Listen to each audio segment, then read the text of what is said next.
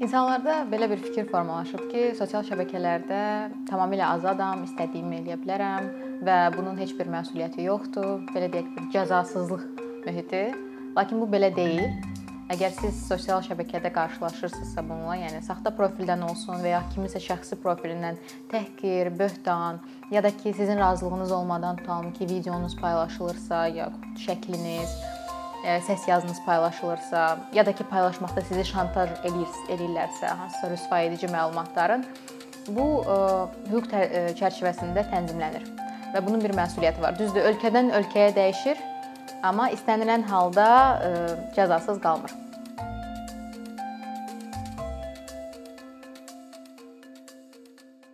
Bizim qanunvericilikdə bu bir vahid qanunvericilik aktında tənzimlənmir. Yəni ki, rəqəmsal dünya dediyimizdə nə nəzərdə tutulur? Sosial şəbəkələrdə bizim insan hüquqlarımız, hansı hüquqlarımız var? Şəxsi toxunulmazlıq hüququmuz və yaxud şərəf və ləyaqətimizin qorunması. Bunlar hamısı ayrı-ayrı qanunvericilik aktlarında var. Amma məsələn, xarici ölkələrdə araşdırdığım xarici ölkələrdən birini deyəcəm. Fransada Digital Republic Law sənədi var və burada rəqəmsal dünyada bizim bütün hüquqlarımızı bir sənədə toplayan bir sənəddir. Dediyim kimi, yəni bizdə belə bir sənəd yoxdur. Əgər siz tutalım ki, hansısa bir tədbirdə təhqir olunursunuzsa və sosial şəbəkədə təhqir olunursunuzsa, bunun tövsifi eyni maddə ilə olacaq. Məsələn, həmin o Fransanın Digital Republic Law, yəni ki, rəqəm respublika rəqəmsal qanun əgər bizim dilimizdə tərcümə etsək, həmin qanunla şəxsi toxunulmazlıq hüququ şəxslərin qorunur, qorunur onlayn platformalarda belə bir norma var. Hmm, revenge porn Yəni ki, intiqam pornosu, amma əslində əhatəsi daha genişdir. E, vaxtilə tutalım ki, əgər keçmiş həyat yoldaşınıza və yaxud sevgilinizə, partnyorunuza, dostunuza ola bilər, hansısa intim video və yaxud şəkil göndərmisinizsə və sizin razılığınız olmadan həmin şəxs onu paylaşıbsa, bu məsuliyyət yaradır.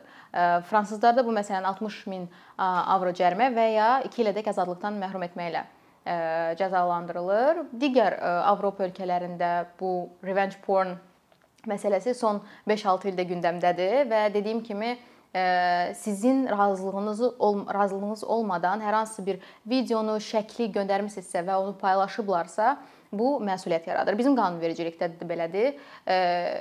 Cinayət məcəlləsində şəxsi toxunulmazlıq hüququ qorunur və əgər sizin də başınıza belə bir iş gəlsə, yəni ki, razılığınız olmadan videonuz paylaşılsa, mütləq və mütləq prokurorluğa müraciət etməlisiniz şikayət ərizəsi ilə.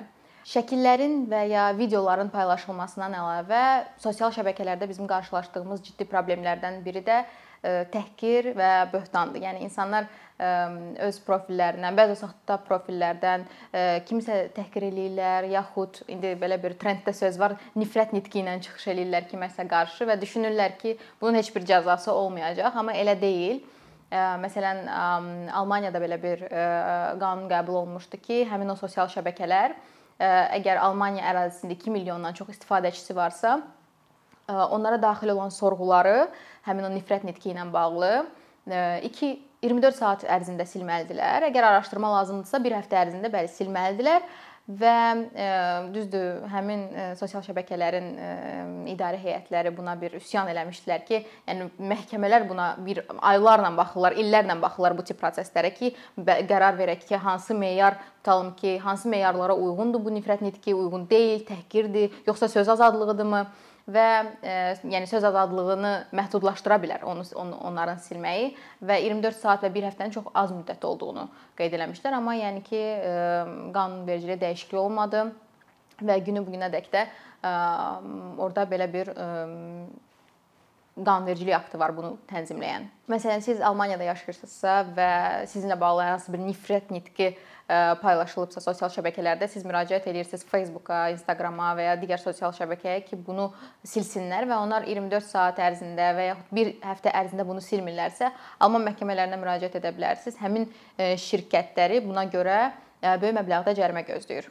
Düzdür, bunun başqa ölkələrdə tətbiq edilməsi çox təhlükəlidir. Niyə? Çünki elə bu qanunvericiliyi təklif edən şəxslər demişdilər ki, qeyri-demokratik ölkələrdə bu gətirib söz azadlığının məhdudlaşdırılmasına çıxara bilər. Çünki onlar istənilən postu və ya paylaşımı siləndən sonra bunu heç cür əsaslandırmasalar, yəni 24 saat ərzində bunu araşdırmaq, meyarlara uyğun olub-olmamasını qərar vermək demək olar ki, qeyri-mümkündür və bir tərəfdən də bu insanların söz azadlığı hüququnu məhdudlaşdırmasına gətirib çıxaracaq.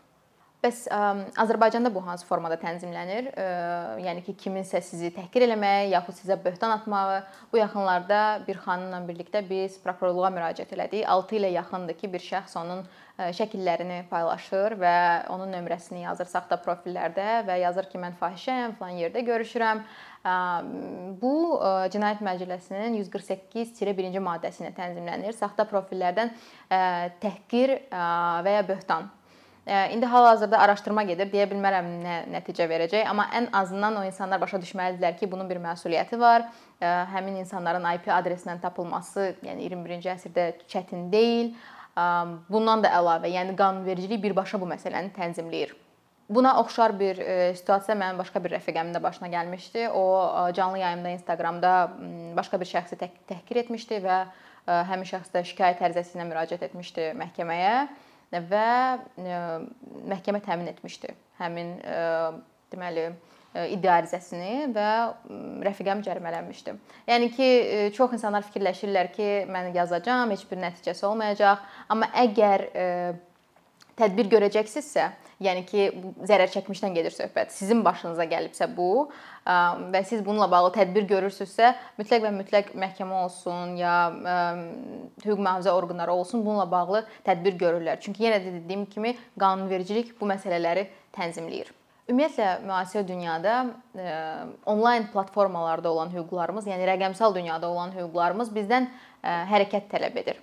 Yəni ki, gözləməyək ki, hansısa fakt var deyə hüquq mühafizə orqanları tədbir görəcəklər. Biz özümüz gedib müraciət etməliyik ya prokurorluğa, ya polisə, ya məhkəməyə və izahatımızı verməliyik, sübutlarımızı təqdim etməliyik. Yəni digər cinayətlərdən fərqi də elə odur ki, bu tip cinayətlərdə ya xüsusi ittiham qaydasında, ya da ki, ictimai xüsusi ittiham qaydasında başlayır cinayət təqibi. Hüquqlarımızın qorunması üçün tədbir görməliyik deyəndə yalnız videolarımızın, şəkillərimizin paylaşılmasının qarşısını almaq üçün yox, və yaxud artıq paylaşılıbsa onunla bağlı tədbir görmək yox, həm də fərdi məlumatlarımız, məlumatlarımızın qorunması nəzərdə tutulur. Fərdi məlumatlar ümumiyyətlə nədir? Bizim şəxsiyyətimizi müəyyən etməyə imkan yaradan məlumatlardır və onların qorunma mexanizmi ölkədən ölkəyə dəyişir. Mənim yadımdadır bir dəfə biz işdə oturmuşduq və başqa bir şöbədən əməkdaş yaxınlaşdı. Dedi mən falan bankı bəs məhkəməyə vermək istəyirəm. Biz soruşduq ki, nə olub? O da dedi ki, bəs bir tətbiq, mobil tətbiq istifadə edirəm və orada pop-up çıxdı ki, Naxçıvanda yaşayanlara endirim var ya xüsusi güzəştlər var və o deyir ki, bəs niyə bu bank mənim fərdi məlumatımı istifadə edir? Mənim şəxsiyyət vəsiqəmin üstündə yazılıb ki, mən Naxçıvanda anadan olmuşam və o mənə məqsədli reklam göndərir. E, başqa bir əməkdaşımız soruşdu ki, hüquqşünas, bəs e, sən e, onların xidmətindən son dəfə nə vaxt istifadə etmisən? Deyir bəlkə də 2010, 2011 deyir, müqaviləni diqqətlə oxumusan. O belə qaldı ki, hə, mən xatırlamıram. Çünki çox vaxt bu tip məsələlər, yəni sizin fərdi məlumatlarınızın sizə fərdiləşdirilmiş reklam məqsədi ilə istifadə olunması ya da ki, kiməsə ötürülməsi üçüncü şəxslərə müqavilələrdə tənzimlənir və çox güman ki, özünü sığortalamaq üçün həmin bank öz müqaviləsində bunu göstərmişdi. Çünki əks halda bu inzibati məsuliyyət yaradır həmin bank üçün. Ümumiyyətlə fərdi məlumatlarımızı kimlənsə paylaşanda və yaxud bu tip müqavilələr imzalayanda diqqətli oxumaq lazımdır ki, biz nə ilə razılaşırıq. Elementar məsələn Instagram və ya Facebookun da terms and conditions ilə biz razılaşanda, yəni onların qaydaları ilə profil açanda özümüz üçün çox adam bilmir ki, biz bütün məlumatlarımızı onlara istifadəyə, emala hüquq veririk. Ondan əlavə üçüncü şəxslərə ötürmələri üçün də hüquq veririk və belə deyək, həmin o terms and conditions bizim Instagramla aramızda olan bir müqavilədir. Və sual yarana bilər ki, bəs necə eləyək ki, biz özümüzü qoruyaq, biz istəmirik məlumatlarımız onlara ötürülsün, sadəcə istifadə etməmək.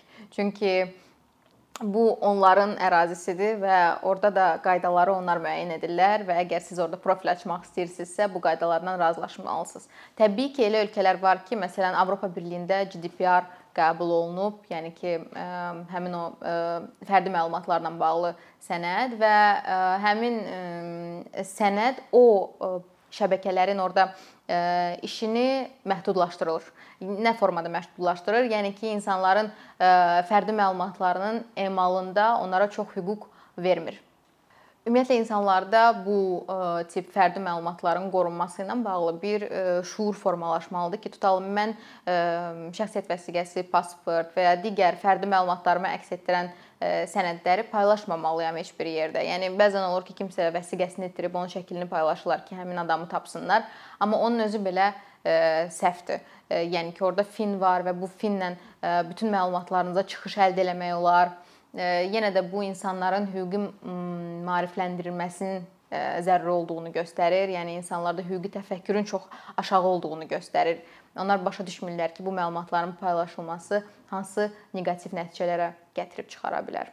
Məsələn, elə bir neçə il bundan əvvəl Azalın bir əməkdaşı bir kişinin şəxsiyyət pasportunu paylaşmışdı və həmin pasportda şəkil yerində xarici görünüşün qadına oxşayan biri idi, amma cinsiyyəti kişi idi.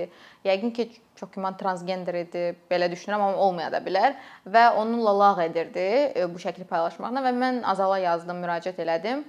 Mənə elə gəlir ki, tək mən deyildim müraciət edən, çünki dərhal cavab aldım Azaldan ki, həmin əməkdaşı biz işdən azad etmişik və çox üzr istəyirik cəmiyyətimizdən. Bununla bağlı həmin adam, yəni vəsiqəsinin şəkli paylaşılan, bilmirəm məhkəməyə müraciət etdi yoxsa yox, amma yəni mən onun yerində olsaydım bunu mütləq edərdim və həmin adam sadəcə işdən çıxarılmaqla cəzalandırılmamalıdır. Fərdi məlumatları öz vəzifəsindən istifadə edib, sui-istifadə edib həmin şəxs sosial şəbəkələrdə paylaşmışdı və lağ etmişdi, bir növ təhqir etmişdi həmin şəxsi. Bu cür hallarla rastlaşanda insanlar düşünürlər ki, mən harada müraciət etsəm bu nəticə verməyəcək və həmin insan cəzasız qalacaq. Amma elə deyil. İki haldan birində ola bilsin ki, həqiqətən də araşdırma nəticə verməsin, amma digər hal həmin adamın cəza cəzalandırılması ilə nəticələnir. Ona görə bir daha vurğulamaq istəyirəm ki, rəqəmsal dünya hüquqlarımızın qorunması üçün bizdən hərəkət tələb edir. Əkinçinin yeni videoları haqqında məlumatlı olmaq üçün kanalımıza abunə olmağı və xəbərdarlıq funksiyasını aktivləşdirməyi unutmayın imkandan istifadə edərək cari patronlarımıza işlərimizi davam etməyə yardım olduqları üçün dərin təşəkkürümüzü bildiririk. Əkinçinin Patreon icmasının üzvü olaraq siz bizim təşəbbüsə dəstək göstərməklə bərabər hazırladığımız materialları hər kəsdən öncə izləmə imkanı əldə edəcəksiniz.